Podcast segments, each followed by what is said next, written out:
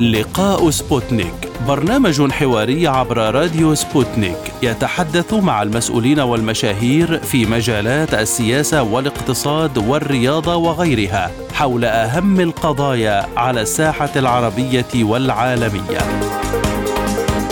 في لقاء سبوتنيك نوجه الأسئلة باسم المستمعين للوصول إلى إجابات على كل استفساراتكم.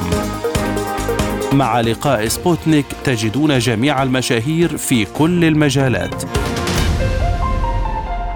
أهلا بكم في هذه الحلقة من لقاء سبوتنيك معكم فيها عبد الله حميد وأحمد أحمد.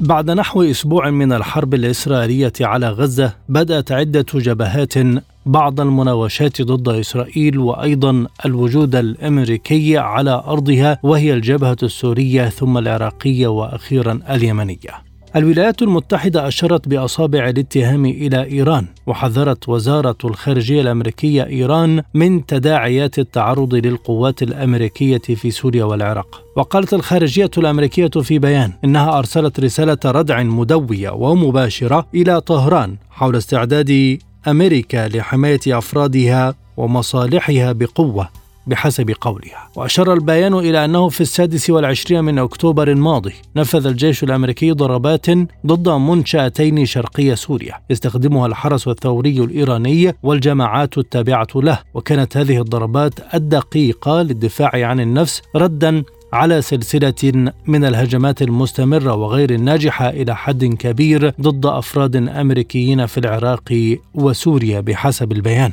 كانت إيران قد وجهت رسالة إلى مجلس الأمن الدولي بشأن ما وصفتها ادعاءات الولايات المتحدة بتدخل طهران في الهجمات ضد القوات العسكرية الأمريكية في كل من سوريا والعراق. واعتبر ممثل إيران الدائم لدى الأمم المتحدة أمير سعيد إيرواني في رسالته أن جميع الادعاءات لا أساس لها من الصحة ومرفوضة بشكل قاطع مؤكدا أن بلاده لم تتدخل قط في أي عمل أو هجوم ضد القوات العسكرية الأمريكية في سوريا والعراق. ومن الجبهات التي نشطت بالفعل بعد الحرب على غزة الجبهة اللبنانية التي تشهد يوميا مناوشات وهجمات حيث استهدف الجيش الإسرائيلي بالمدفعية عددا من المناطق الواقعة على الحدود اللبنانية.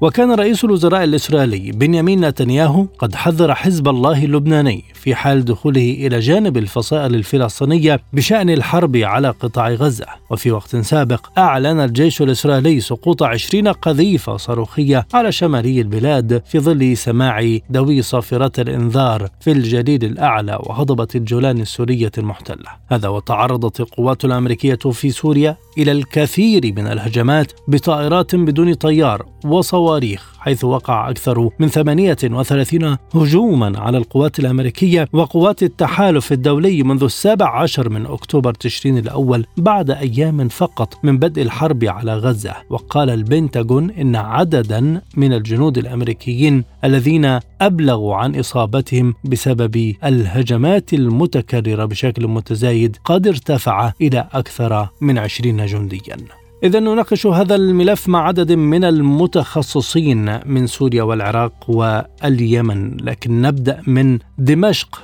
الدكتور عبد القادر عزوز مستشار مجلس الوزراء السوري الذي ينضم إلينا في هذه الحلقة، بداية نرحب بك دكتور. وكيف تتابعون تصاعد الهجمات على القوات الأمريكية سواء في سوريا أو العراق؟ تحية لك ولجميع الأخوة العاملين في إذاعة سبوتنيك والأخوة المستمعين. آه، طبعا ما يجري هو نتيجة لأعمال العدوان والاحتلال التي قامت بها قوات الاحتلال الأمريكي من خلال تمركز لقواتها غير الشرعية على أراضي الجمهورية العربية السورية ولمحاولة زيادة عسكرة المنطقة وزيادة مستوى التهديد وإشاعة حالة من اللا استقرار وإشاعة حالة من الفوضى. لمنع آه، عملية تعافي الدولة السورية من الإرهاب والإرهابيين وكذلك تحقيق التعافي الاقتصادي السوري.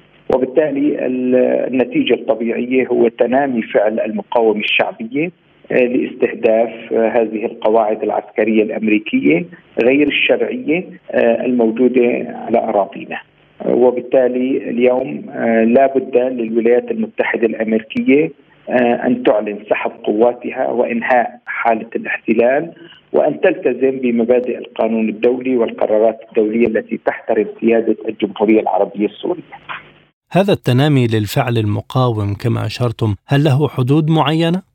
طبعا يعني المقاومة الشعبية موجودة وبالتالي اليوم هذا الفعل يتنامى نتيجة تنامي حجم الغضب الشعبي الموجود في تلك المناطق التي تخضع لسلطة الاحتلال الأمريكي لذلك أنا لا يمكن أن يعني أن أحدد حجم الدور والمستوى وحجم الفعل الذي يمكن أن تبديه المقاومة الشعبية في مواجهة آلة الاحتلال الأمريكي. ولكن دكتور من يقوم بهذه الضربات فصائل تابعة للمقاومة، هل سيكون لذلك تأثيرات؟ اليوم الدولة السورية وجميع جزء من محور المقاومه وهي معنية في العمل على مواجهة الاحتلال الأمريكي بكافة الوسائل والأساليب ومنها الكفاح المسلح الذي تقوم به المقاومه الشعبية في سوريا. الولايات المتحدة أعلنت أنها لا تريد التصعيد وتوسيع الحرب، فكيف تعلقون على ذلك؟ طبعا من لا يريد التصعيد ومن يريد ان لا يهدد الأمن والسلم الدوليين يجب أن ينهي حالة الاحتلال. حالة الاحتلال واستخدام القوة يهدد الأمن والسلم الدولي خاصة وأن تواجد قوات الاحتلال الأمريكي بلا مسوغ شرعي. لا يوجد قرار من مجلس الأمن يمنح تفويضا للدول في إطار تدابير الأمن الجماعي لوجود قوات الاحتلال الأمريكي. فعلى أي أساس وعلى أي مستند هي ما تزال مستمرة. في تواجد قواتها غير الشرعية في سوريا، من يريد إحلال الأمن والسلام لا بد من إنهاء كافة تدابير العدوان. وزارة الخارجية الأمريكية حذرت إيران من تداعيات التعرض للقوات الأمريكية في سوريا والعراق فما المفهوم من هذا الأمر؟ لا المسألة هي محاولة لفت أنظار عن الجريمة الأساسية وهي جريمة العدوان والاحتلال التي تقوم بها قوات الاحتلال الأمريكي هي بهذه المحاولة وكأنها توحي للرأي العام في محاولة تضليليه وكأنها في موقع الدفاع عن النفس على عكس الحقيقة التي تقول بأنها دولة معتدية على دولة ذات سيادة من خلال هذا التواجد غير الشرعي وتواجد قواتها ومحاولة زيادة مستوى أيضا التسليح والعتاد العسكري في تلك المنطقة. هل تريد واشنطن وتل أبيب إدخال إيران في الصراع الدائر بقطاع غزة؟ طبعا هذه محاولة يعني محاولة أمريكية دائمة محاولة يعني افتعال جبهات واشتباكات مع أطراف من أجل صرف الأنظار عن المشكلة الحقيقية والأساسية لذلك أنا أعتقد بأنه القانون الدولي والواقعية السياسية بعد فشل المشاريع المشبوهة في سوريا تقتضي المسارعة في إعادة الأمور إلى ما كانت عليه وإنهاء الحالة أو إنهاء الوضع غير الشرعي الذي عملته الولايات المتحدة الأمريكية. محور المقاومة أكد أنه سيدخل المعارك في الوقت المناسب، هل التصريحات الأخيرة اذا تشير إلى عكس ذلك من جانب المقاومة؟ لا الموضوع بأن سوريا دولة مقاومة وسوريا لديها كل الشرعية في استخدام كافة الوسائل المشروعة من أجل إنهاء حالة الاحتلال وبسط سيطرتها وسيادتها. وجود قوات الاحتلال الأمريكي سمحت أكثر لميليشيات انفصالية في وأيضا أفسحت المجال لعودة داعش مجددا للقيام بعمليات إرهابية واستهداف للمدنيين الأبرياء في سوريا. هذه أثرت بشكل كبير على حالة السلم الاجتماعي والأمن والاستقرار في المنطقة. طيب دكتور حزب الله العراقي كان قد أعلن أنه لن يترك أي قوات أمريكية على أرض العراق، هل هذا التهديد جاد أم أنه مجرد تحذير وضغط؟ هذا شأن عراقي طبعا نحن من حيث المبدأ سوريا دائما تطالب بإنهاء حالة الاحتلال وإنهاء يعني أي شكل من أشكال استخدام القوة والبحث في حل الخلافات بالوسائل السلمية، هذا شأن عراقي داخلي نحن نحترمه ونحترم إرادة الشعب العراقي وقراره السيادي. طيب دكتور هل سوريا تخشى من مواجهة مع إسرائيل حيث أن الأوضاع ربما لا تحتمل دخول عسكري آخر؟ المسألة ليست في إطار نحن نواجه إسرائيل بشكل دائم ومستمر الاعتداءات الإسرائيلية متكررة ودفاعاتنا الجوية ترد على مصادر العدوان والنيران وهذا يعني بشكل دائم إسرائيل ليست في حالة سلام. نحن لسنا في حالة سلام مع هذا الكيان يعني مع إسرائيل. إسرائيل دائما تشن عدوان وهي أيضا انتهكت اتفاقية فصل القوات في العام 1974 من خلال اعتداءاتها المستمرة والمتكررة وفي ظل صمت وتشجيع أطراف غربية لهذه الممارسات العدوانية. دكتور عزوز كيف تعلقون على بيان الجيش الأمريكي الذي أعلن أنه نفذ ضربات ضد منشأتين شرقي سوريا؟ كانت هذه الضربات بحسب البيان آه، للدفاع عن النفس ردا على سلسلة من الهجمات المستمرة وغير الناجحة إلى حد كبير ضد أفراد أمريكيين في العراق وسوريا بحسب البيان. هذه محاولة تضليل من قبل الإدارة الأمريكية لجريمتها جريمة العدوان التي ترتكبها بحق الشعب السوري وانتهاك سيادته تحاول أن تبدو للرأي العام بأنها في آه، محل الدفاع عن النفس وهذا الأمر لا ينطبق في الحالة السورية، الولايات المتحدة الأمريكية دولة معتدية على سيادة وكرامة الشعب السوري من خلال آه، تواجد قوات الاحتلال وتدخلها السافر في الشؤون الداخلية لسوريا. دكتور لماذا لا يوجد تحالف عربي لمواجهة إسرائيل كما أن هناك تحالف عربي للرد مثلا على حركة أنصار الله في اليمن؟ هذا الأمر يتعلق بإشكالية الأمن القومي العربي وتحديد أطراف ومصادر التهديدات وهذا يحتاج إلى حوار معمق وخاصة بعد عودة سوريا إلى جامعة الدول العربية من أجل تحديد والاتفاق حول المصادر الحقيقية للتهديدات التي تستهدف الأمة العربية. ماذا تتوقعون من القمة العربية وكذلك الإسلامية خلال الأيام المقبلة؟ طبعا أتوقع أن تكون يعني نتائجها مرضية للشعوب العربية، مرضية للشعب العربي الفلسطيني وأن تكون متوازنة ومع يعني تترافق وحجم التضحيات التي قدمها الشعب العربي الفلسطيني وقدمتها المقاومه الفلسطينية. وفي من أجل يعني موقف عربي واحد يمكن أن يشكل ردعا لآلة الاحتلال الإسرائيلي في استمرار جرائمها وانتهاكاتها بحق المدنيين الأبرياء وبحق يعني الشعب العربي الفلسطيني. شكرا جزيلا لك دكتور عبد القادر عزوز مستشار مجلس الوزراء السوري كنت معنا ضيفا كريما من دمشق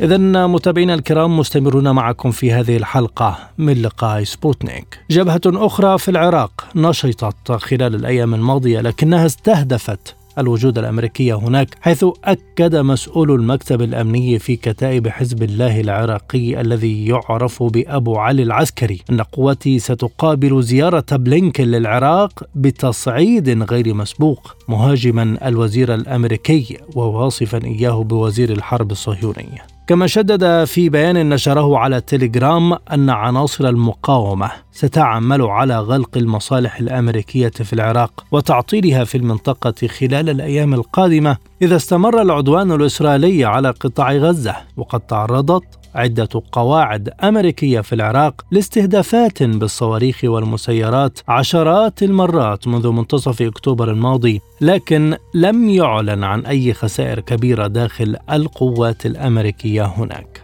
ينضم إلينا الآن من بغداد الدكتور هاشم الكندي رئيس مجموعة النبأ للدراسات الاستراتيجية. أهلا بك دكتور معنا في هذه الحلقة من لقاء سبوتنيك. وبداية هل جبهات المقاومة تأخرت عن الدخول في الحرب مع غزة؟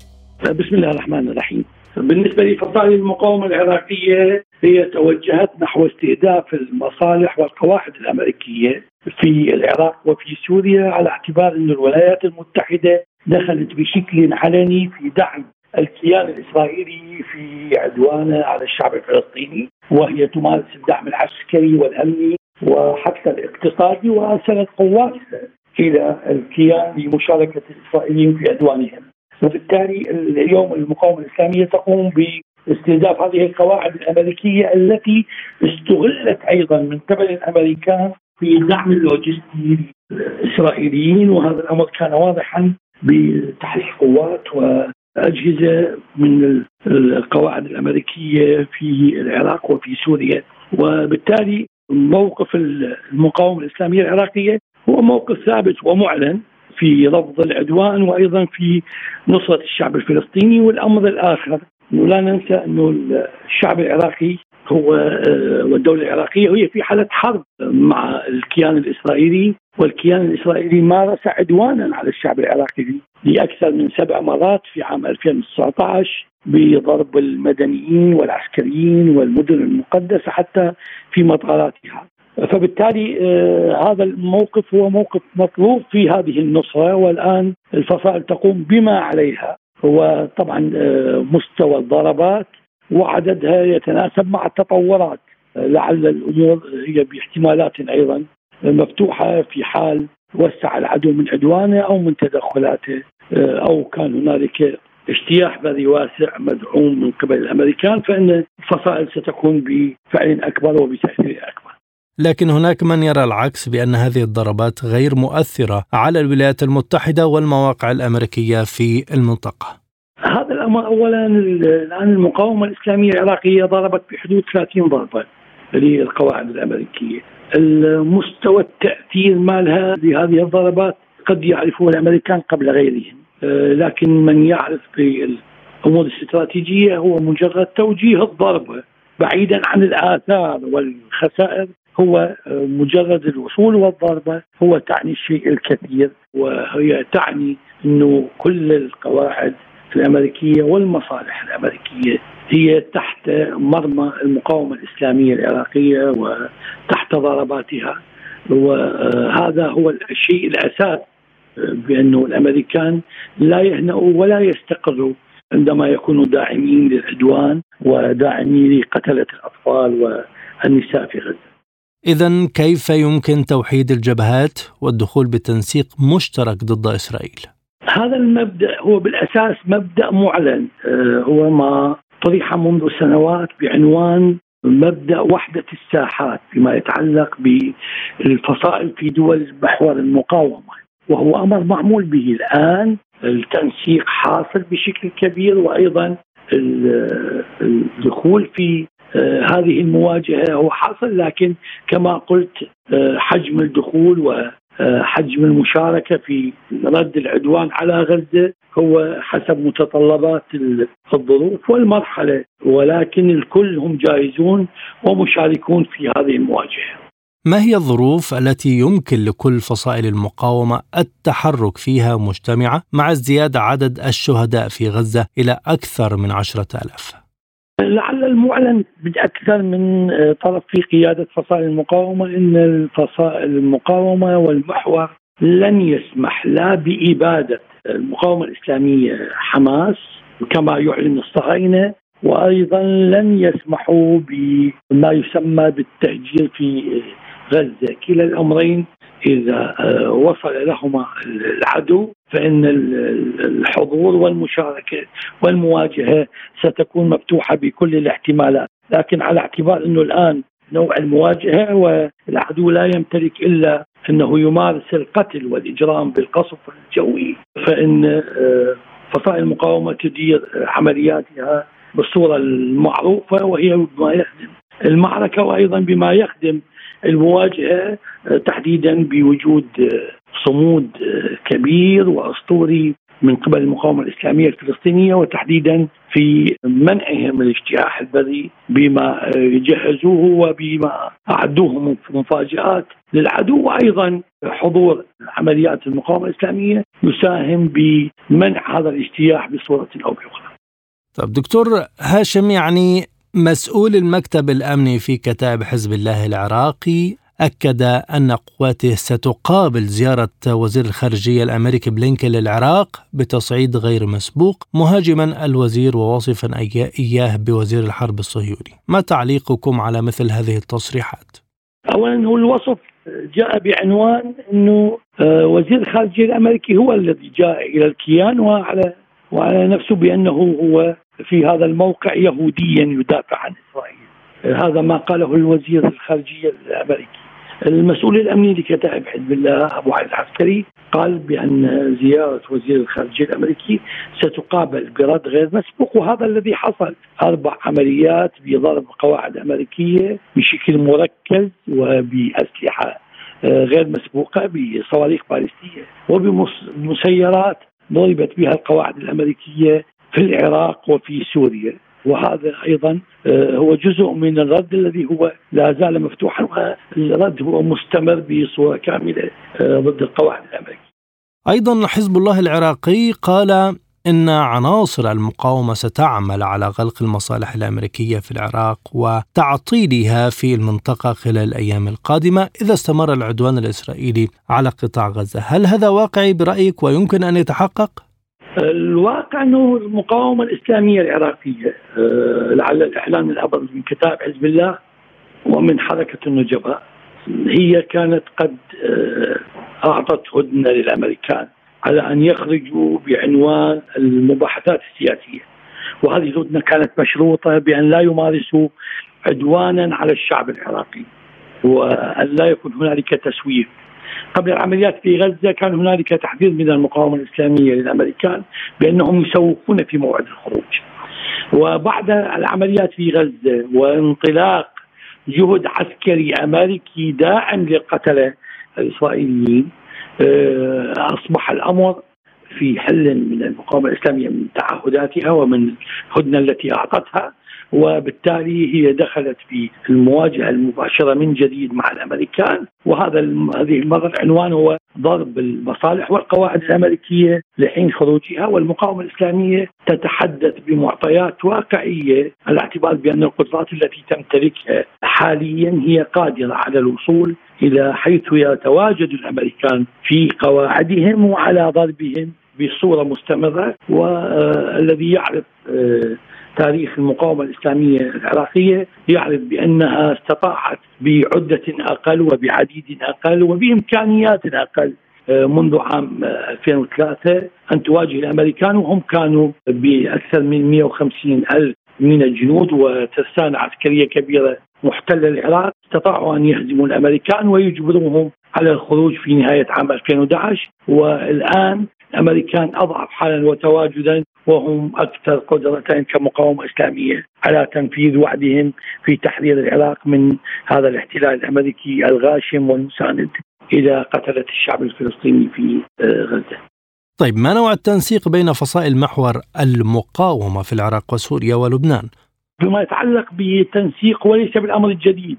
هذه الفصائل آه، لديها تعاون ولديها اتصالات ولديها أيضا تنسيقية كاملة فيما بينها آه، وهي تعمل كما قلت في بداية حديثي في مبدأ وحدة الساحات الذي اعلن منذ أكثر من عامين والذي أصبح هو استراتيجية تطبق في معركة طوفان الأقصى في العدوان آه، على غزة بشكل واضح لكن طبيعة الأعمال هي تعتمد على نوع المواجهة وأيضا على نوع العدو المستهدف، تعرفون بأن مثلا المقاومه الإسلامية العراقية هي تواجه اليوم المصالح الأمريكية والقوائد الأمريكية وهي الاكثر خبرة في آه، دول المحور وفصائلها في مواجهة الأمريكان. المقاومة الإسلامية اللبنانية هي اليوم تعمل على استهداف الإسرائيلي من جنوب لبنان بعمليات مركزة استطاعت أن تشغل ثلث القوات البرية ونصف القوات البحرية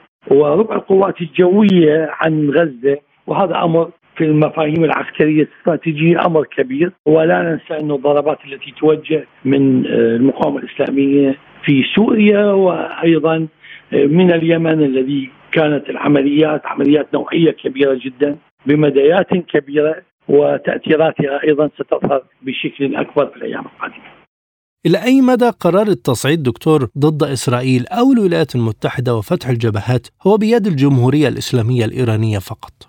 الجمهورية الإسلامية داعمة لفصائل المقاومة هذا أمر معروف ولكن الآن هو المبدأ في نصرة الشعب الفلسطيني ونصرة المقاومة في فلسطين من قبل الشعوب بما تمثله من إرادة مقاومة الجمهورية الإسلامية داعمة.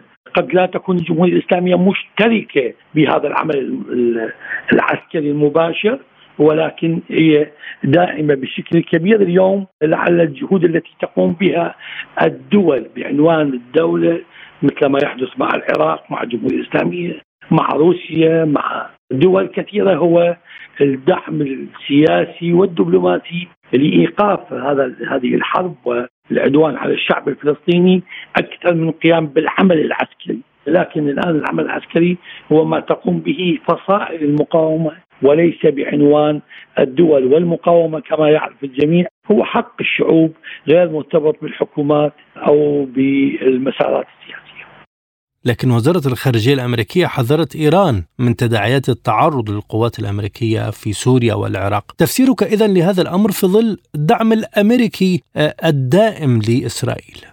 أولا هذا الأمر مسألة التهديدات هو أمر ليس بجديد، يعرف الجميع بأنه أكثر من أربعة عقود أمريكا تهدد وطيلة فترة المواجهة أمريكا لم تكف عن التهديد، الواقع الحالي يقول أنه أمريكا الآن غير مؤهلة للتهديد على أمرين أساسيين، اولا إنها هي مشتركة في عدوان وهي أساس العدوان وإدارة الحرب والتصعيد في المنطقة. الأمر الثاني إنه أمريكا لا تمتلك أن تهدد وتنفذ دون أن يكون هنالك ردا عليها يكون تاثيره أكبر مما تهدد به من ضربات وهذا الأمر يعرفه المتابع. اليوم فصائل المقاومة في المنطقة تمتلك من القدرات ما هي قادرة على التأثير والإضرار بالأمريكان آه، على كل المستويات. ولهذا الأمريكان في خشية حقيقية من هذا الأمر. نعم هم ينتهجون ذات الأسلوب.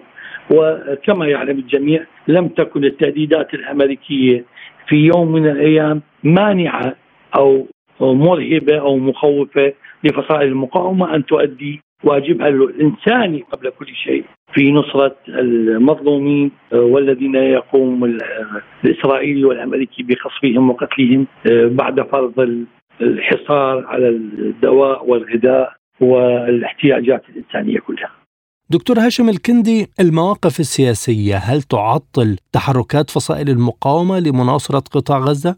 إذا كان المقصود به موقف الحكومات على اختلافها والأغلب منها للأسف هو ليس بالمستوى المطلوب حتى على مستوى الرفض إلا إذا استثنينا آه، مواقف معينة من دول آه، وحكومات ولعل الموقف العراقي موقف واضح وبارز ومميز في هذا المجال مع باقي الدول الأخرى. ولكن آه، كما قلت المقاومة هو حق الشعوب. وبالتالي ليس شرطا أن تكون الحكومات راضية أو داعمة أو حامية حتى لفعل المقاومة. وإذا أردنا أن نستشهد فإن المقاومة الإسلامية العراقية واجهت الاحتلال الأمريكي من عام 2003 إلى خروجه في نهاية عام 2011 وكانت الحكومات موجودة، الحكومة آه، تعمل تقاوم سياسيا.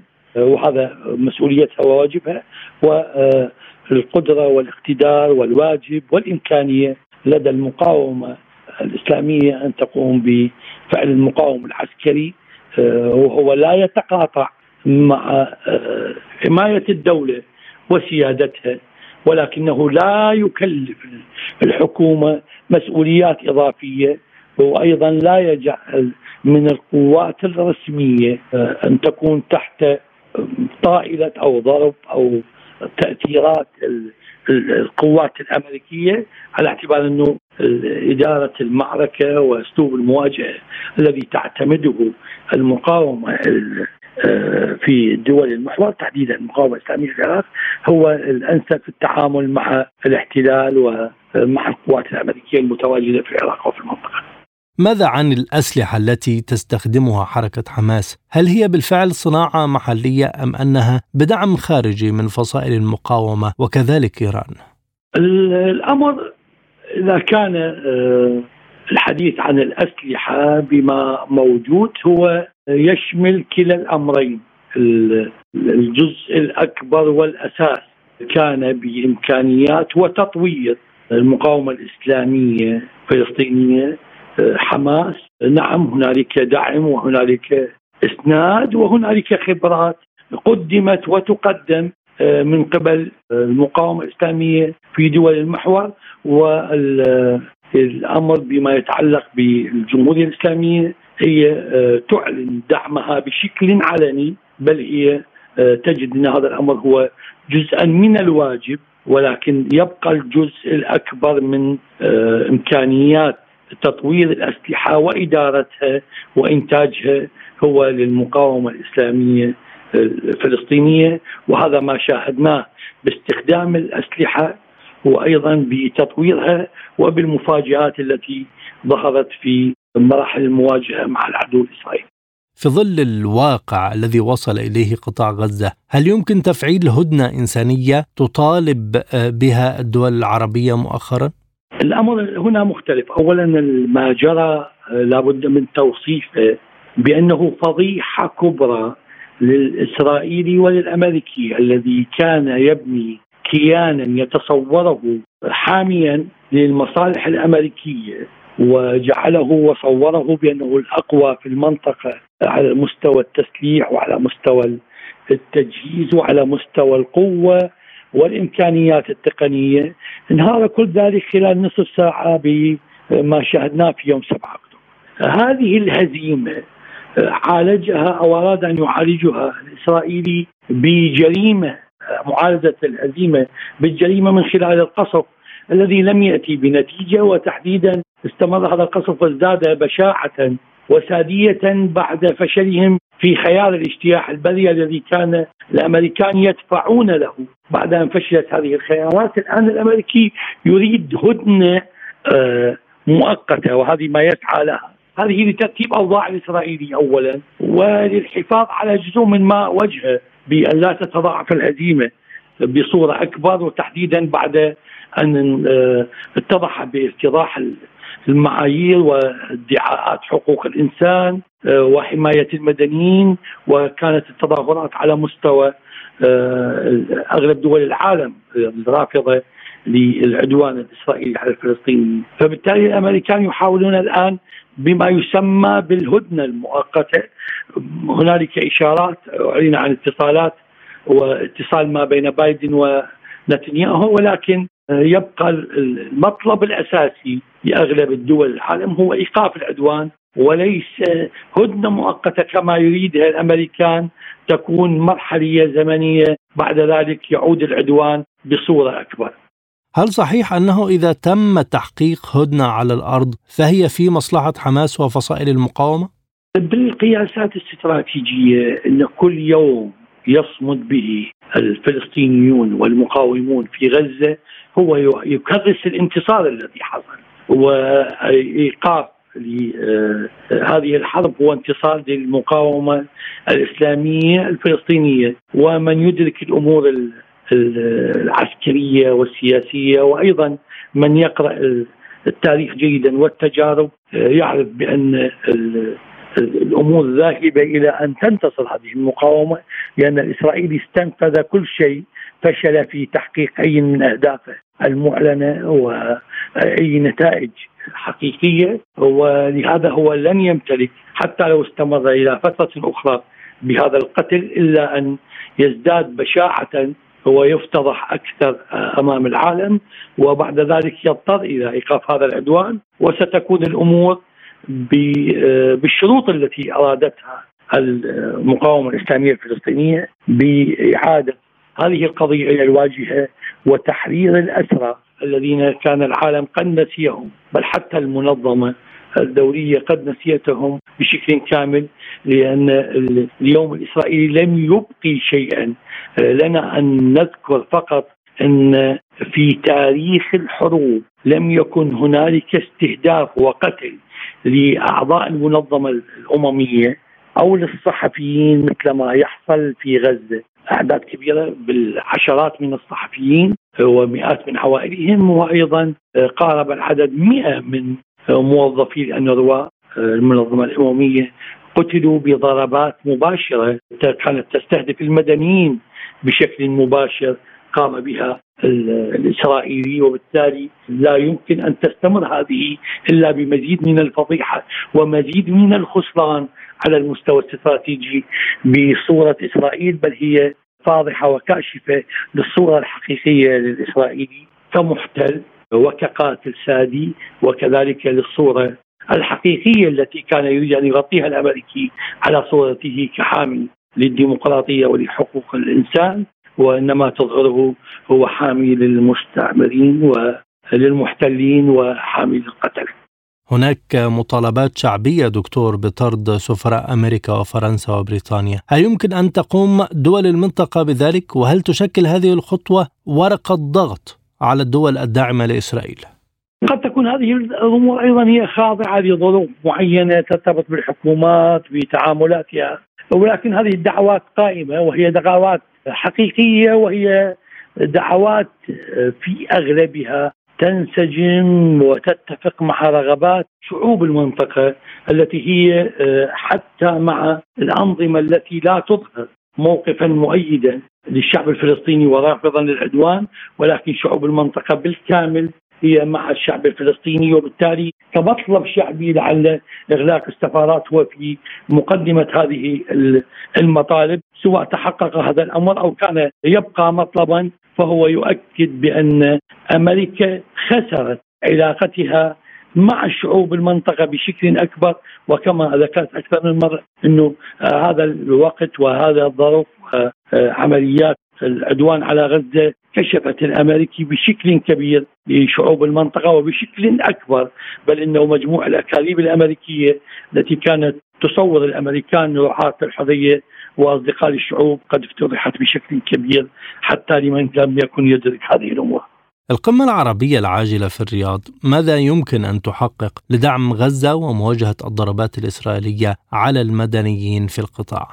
قد يبدو هذا الأمر فعلا سياسيا أكثر من كونه آه، فعلا مؤثرا ولكن ننتظر آه، على اعتبار إنه من الممكن أن تقوم الدول العربية لو أرادت تحدث تحديدا عن الدول النفطية بإجراءات لربما قد تكون مشابهة بالتلويح أو بالتنفيذ لما حصل في عام 73 عندما آه، أوقفوا بيع النفط إلى الدول التي تساند العدوان والحرب على الفلسطينيين. وهذا الأمر ممكن أن يكون بالتلويح سواء كان هذا الأمر يمكن أن يتحقق آه هذا ينتظر من آه أن يكون خيارا سياديا لهذه الدول. وإن كان الأمور بمقدماتها لا توضح هذا الشيء على اعتبار المواقف آه، من بعض الدول هي تتهم بالتطبيع الذي فرض عليها والتي دخلت به بالتأثيرات الأمريكية. آه هذا أمر ونتمنى أن لا يكون هذا المؤتمر مؤتمر اجتماع الجامعة العربيه في الرياض صورة مشابهة إلى ما سمي بمؤتمر السلام في القاهرة الذي لم ينجح حتى في إصدار بيان ختامي ولم يكن منه موقفا حاسما تجاه العدوان وتجاه منع هذا العدوان أو ايقافه على الفلسطينيين. شكرا جزيلا لك دكتور هاشم الكندي رئيس مجموعة النبأ للدراسات الاستراتيجية كنت معنا في هذه الحلقة من لقاء سبوتنيك من بغداد متابعينا نحن مستمرون معكم في هذه الحلقة من لقاء سبوتنيك ونتحدث فيها طبعا عن ضربات فصائل المقاومة في كل من سوريا والعراق ولبنان واليمن ضد المواقع الأمريكية في المنطقة. يستمر معكم في هذا اللقاء الزميل أحمد أحمد.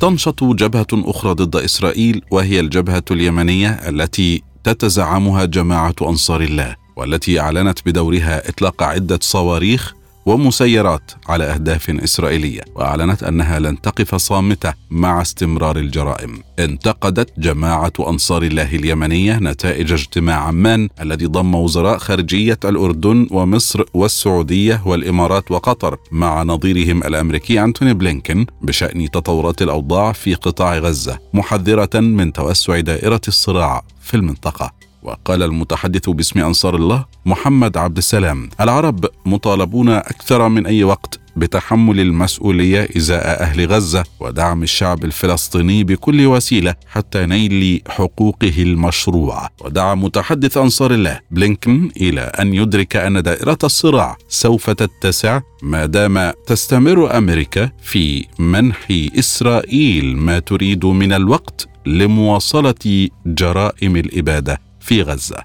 للحديث عن هذا المحور في النقاش يسعدنا أن نكون حاليا مع الخبير العسكري اليمني السيد أحمد الزبيري. أهلا بك السيد أحمد. بداية هل أعلنت أنصار الله أنها لن تصمت على الحرب ضد غزة؟ وبالفعل هناك بعض الهجمات التي وقعت. فهل من جديد؟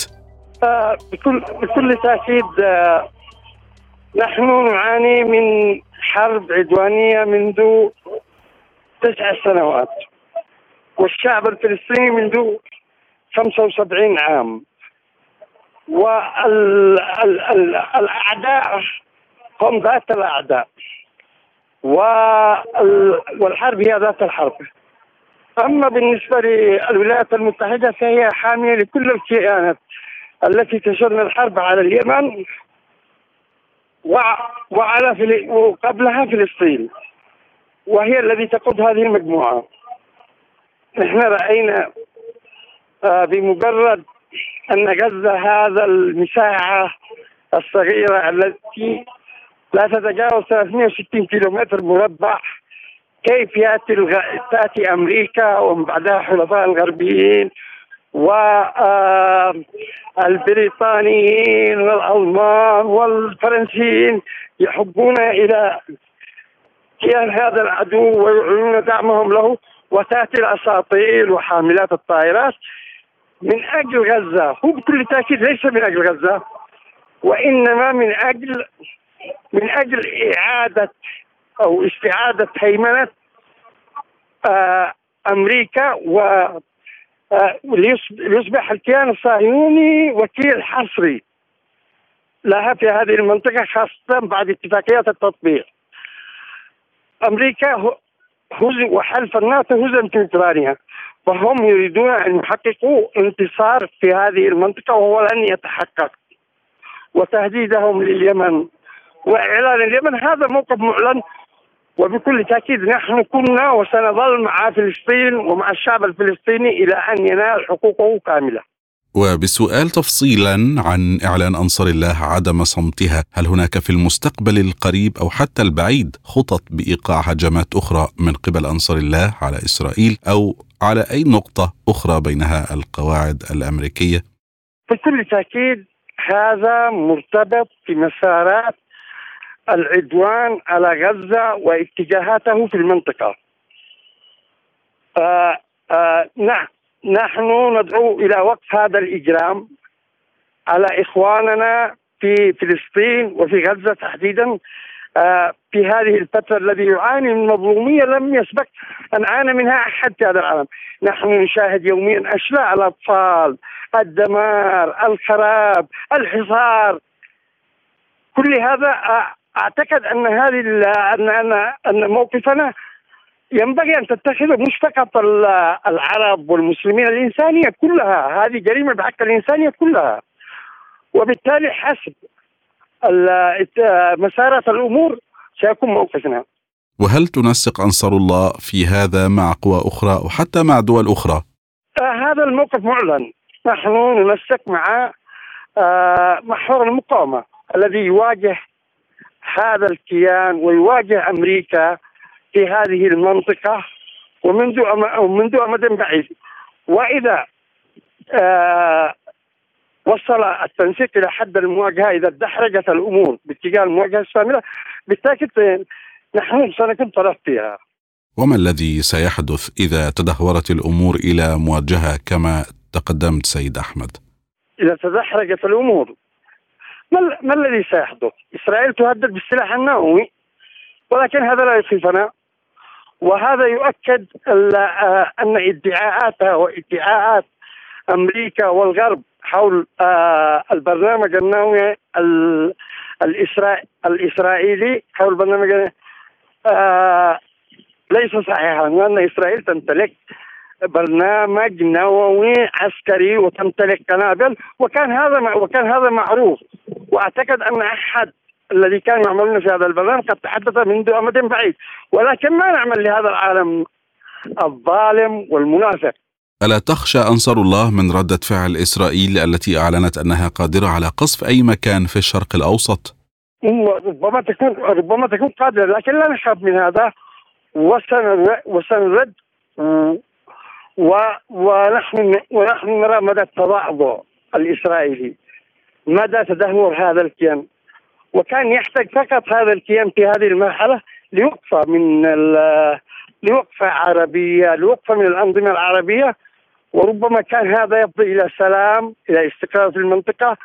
ولكن آه على ما يبدو أن آه أمريكا تريد شيئا آخر في المنطقة. بمتابعتك سير الأحداث. هل هنالك نقطة ما ربما تعتبر نقطة تحول وفي أي توقيت أيضا يمكن أن يحدث ذلك؟ وما الذي يمكن أن تفعله أنصار الله للرد على مثل هذا؟ آه، إذا إذا إذا إذا إذا ركبت دماغ إذا ركبت دماغ إسرائيل ونفذت مخططها في آه، إبادة الشعب الفلسطيني أو تسفيره إلى الدول المجاورة تحديدا إلى مصر وإلى الأردن فإن هذه المسألة ربما تأخذ أبعاد أخرى وتتسع. قبل أن تصل لهذه المرحلة الولايات المتحدة تحذر يوميا من توسيع الحرب رغم أنها تساعد إسرائيل كعادتها في حربها وكما يتابع الجميع لكن الواضح على الأرض أن تحذيراتها ناجحة حتى الآن حيث تظل جبهة لبنان محدودة وأيضا سوريا واليمن إذا هل سيظل الوضع كما هو عليه وإلى متى؟ بكل تأكيد هذه حرب والعالم يفهم أنها حرب والحرب تحتاج إلى استعدادات إلى قدرات إلى إلى مسارات وإلى مستويات. وبكل تأكيد أننا أيضا نحن لا نريد حرب شاملة ولا نريد أن نتدحرج ولكن أيضا لا نريد أن يباد الشعب الفلسطيني ولا نريد أن يحدث مرة أخرى أو نكبة أخرى للشعب الفلسطيني. كذلك هل ينتظر اليمن بأي شكل من الأشكال أي ردة فعل إسرائيلية على الهجمات التي قامت بها أنصار الله؟ شوف ردة إسرائيل كانت مشاركة في العدوان على اليمن كانت مشاركة في العدوان اليمن طوال السنوات الماضية. وهذا واضح ولا يحتاج إلى دليل. وتصريحات نتنياهو والمسؤولين الإسرائيليين تؤكد هذه الحقيقة. فلا نحتاج أن تهددنا هي قد هددتنا وشاركت في الدمار والخراب الذي حصل طوال ثمان سنوات. وبالتالي أي تهديد منها هو جزء من هذا العدوان على الشعب اليمني. وفي السياق ذاته لماذا لم ترد إسرائيل حتى الآن سيد أحمد على هجمات أنصار الله؟ بطبيعة الحال الآن هي إسرائيل تريد أن تستسرد بكل طرف على حدة، بالنسبة لليمن بعيد عليها بعيد عليها جغرافيا وبعيد عليها من حيث المخططات والأم وال وما تعتقد أنها قادرة عليه، أما فهي تريد أن تستفرد اولا آه بغزة ثم تعود ومعها لهذا لهذا الأمور سوف تتدحرج إلى مواجهة شاملة. طيب بأخذ هذا في الاعتبار هل اليمن يمكن له أن يحتمل أي مواجهة جديدة برأيك؟ نحن احتملنا تسع سنوات ونحن إلى اليوم محاصرين ونحن إلى اليوم نواجه العدوان. وما زالوا ابناء وما زالوا آه، أبناء اليمن يوميا يقتلون في الحدود في الحدود مع السعودية. وبشكل يومي. ولم ولم يتوقف العدوان علينا حتى اليوم. نعم وإذا وسعنا الدائرة الآن سيدي لماذا لا يوجد تحالف عربي لمواجهة إسرائيل؟ كما هناك تحالف عربي للرد على أنصار الله. تحالف عربي وتجيش عالمي وتواطؤ أممي آه، في العدوان على اليمن. لكن هذا التحالف العربي والذي هو إن كانوا فعلا ال ال الأنظمة العربية تشعر أو عنده أي مسؤولية تجاه أمن العرب القومي كان يفترض أن تعمل تحالف في مواجهة كيان العدو الصهيوني. في مواجهة سعيد لكن كما نرى حتى في اجتماعهم بال اجتماع وزراء الخارجية لم يصدر بيان لم يصدر بيان حتى يعلن موقف بسيط. إنما ساووا بين آه، بين الضحية والجلاد وهم لن يعلنوا لن يعلنوا تحالف عربي مثل ما اعلنوا آه، مثل ما أعلنوه للي وهذا يؤكد في أي اتجاه هذه الأنظمة تسير. أيضا إسرائيل تتوحد ضد حماس وغزة بينما العرب ما زالوا يصدرون بيانات فردية تندد وتشجب وتستنكر كما تعلم. فما تعليقك؟ ليس إسرائيل وحدها التي تتوحد معارضة و وحكم ونتنياهو ولابيد وجانتس. الغرب كله اتحد مع إسرائيل ضد غزة ضد غزة. ومعهم الأنظمة العربية ولو وإن كان من تحت الطاولة. طبعا بعض الأنظمة في هناك استثناءات بكل تأكيد تعلم أن مسؤولا إسرائيليا هدد باستخدام قنبلة نووية ضد غزة لكن نتنياهو سرعان ما نفى. فهل هذا أمر وارد؟ نعم. لكن نعم وزير وزير وزير ما يسمى بالتراث. ولا ندري أي تراث هذا. هم هم طبعا يشيرون يهددون ولكن هذا مهم جدا. إن كان هناك مجلس أمن إن كان هناك أمم متحدة هذا مهم جدا. وإن كان هناك هيئة الطاقة الذرية ولا أعرف ما يسموها ما يسموها الدولية هذه لتفتيش البرنامج النووي لمعرفة ما الذي تعمل إسرائيل في ديمونه لمعرفة عدد هذه القنابل تمتلكها إسرائيل هذا تهديد للشرق الأوسط كله تهديد العالم كله وليس لغزة. إنما ربما أراد اسرائيل ان توصل رسالة لمصر رسالة للدول الدول العربية رسالة تهديد في إطار آه، اعتقادها أنها ستهيمن تهديد للعالم آه، كذلك. ولا ندري لماذا العالم ساكت على هذا التهديد. بخبراتك العسكرية أستاذ أحمد إلى أي مدى وإلى متى يمكن أن تصمد حماس؟ وهل هناك أي إمكانية لتصعيد جديد من نوع آخر؟ حماس صمدت. ويكفي أن حماس صمدت الآن. نحن ندخل الشهر الثاني أو بدأنا الشهر الثاني. وحماس صامدة وكل ما تقوم به إسرائيل في غزة هي قتل النساء والأطفال وتدمير البيوت وضرب خزانات المياه وضرب المستشفيات والمدارس. إلى الآن هي لم تحقق أي أي أي أي شيء أي نصر يعتد به أو أي محاولة يعتد بها. وبكل آه، تأكيد نحن إلى جانب أن القراءة عسكرية وسياسية هناك إيمان. نحن مؤمنين أن الله معنا وأن الله سينصرنا إننا مظلومين وهذا الإيمان هو الذي يعزز الصمود والمواجهة والوقوف. ونحن نرى كيف يصمدون كيف يواجهون كيف يقاتلون من النقطة الصفر كيف يضعون العبوات الناسفه على ظهور الآليات الإسرائيلية وكيف تدمر وكيف تدمر.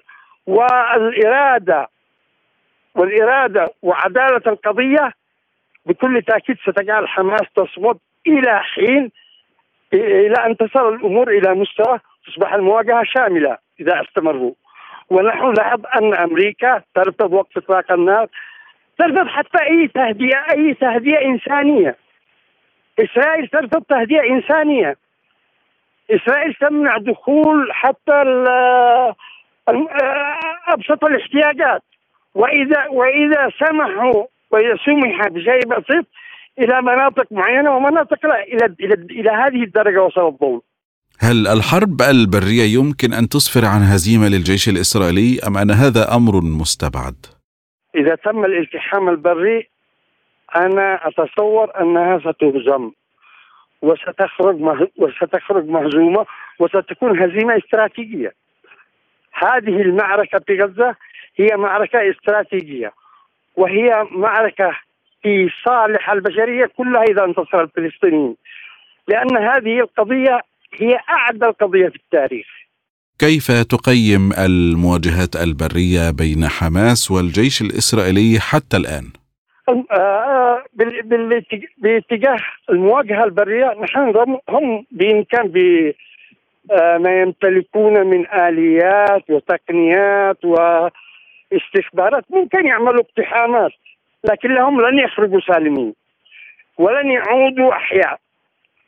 وهذا يجب ان ان يكون أن يكون مفهوم. وهذا هو الحنك الإسرائيلي الذي آه، يفرغه على المدنيين يفرغه على قتل أطفال غزة تدمير البيوت تدمير كل شيء. يعني تقريبا دمر كل شيء حتى خزانة لم يضربها.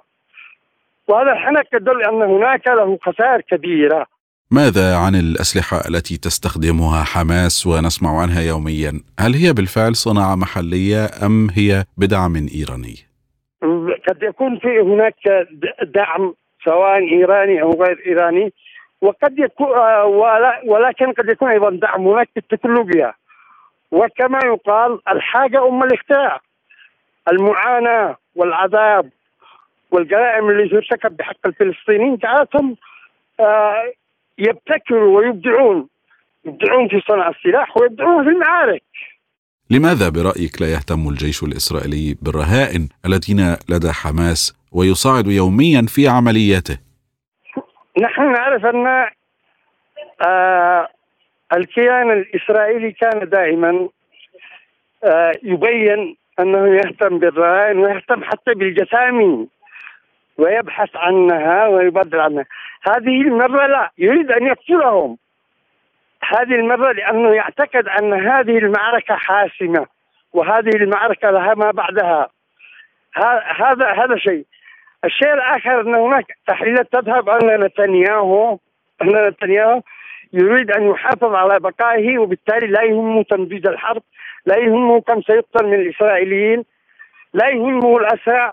نعم فيما يتعلق بالهدنة هل صحيح أنه إذا تم تحقيق هدنة ما على الأرض فهي في مصلحة حماس وفصائل المقاومة؟ نحن نعرف توازن القوى جيدا.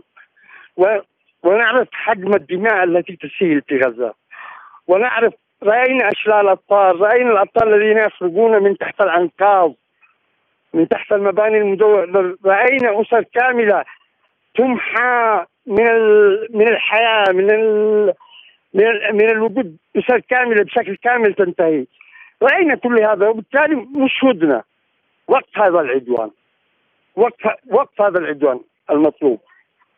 والمطلوب من العالم كله أن يقف بهذا الاتجاه وإلا هذا العالم كله ستأتي إليه مثل هذه الجرائم بشكل أو بآخر.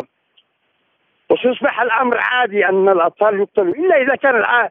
إذا كان العالم كله أصبح مع هذا النهج الإجرامي العنصري الذي يسمي العرب والفلسطينيين بأنهم حيوانات لا ندري. هذه هذه الأمور برسم العالم. وكيف وفي أي ظرف ومتى يمكن التوصل إلى هذه الهدنة سيد أحمد أو إلى وقف لإطلاق النار؟ إحنا براينا أن إسرائيل أن إسرائيل وأمثالها لا يعرفون إلا لغة القوة ولغة المواجهه واذا وإذا آه يعني رأوا هزيمة حقيقية سنرى دول عربية ودول أجنبية ووساطات لوقف إطلاق النار وإنهاء هذا العدوان. أما إذا كان الإسهام في الشعب الفلسطيني وإذا كان الدم الفلسطيني والعربي يسيل فهذا ستستمر اسرائيل وإذا كان سيتحقق الترانسفير إلى سيناء ستستمر اسرائيل أما إذا رأت الضحايا والوجع كبير كبير عليها سلا حتى الدول العربية تصف كما في كل مرة. ختاما أستاذ أحمد ماذا تتوقع من القمة العربية المقبلة؟ لا شيء.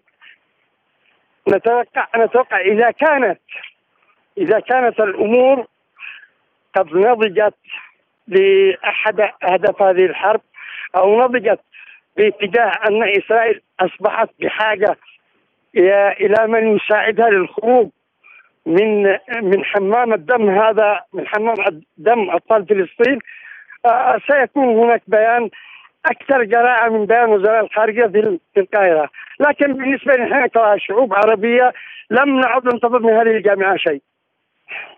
نعم. وهذا وهذا تقريبا هو رأي الشعوب العربية كلها. في ختام هذا الحوار نتقدم بجزيل الشكر للأستاذ أحمد الزبيري الخبير العسكري اليمني. كان معنا من صنعاء. وشكر موصول أيضا لحضراتكم مستمعينا الكرام. فهذه نهاية حلقتنا من لقاء سبوتنيك. شكرا وفي أمان الله.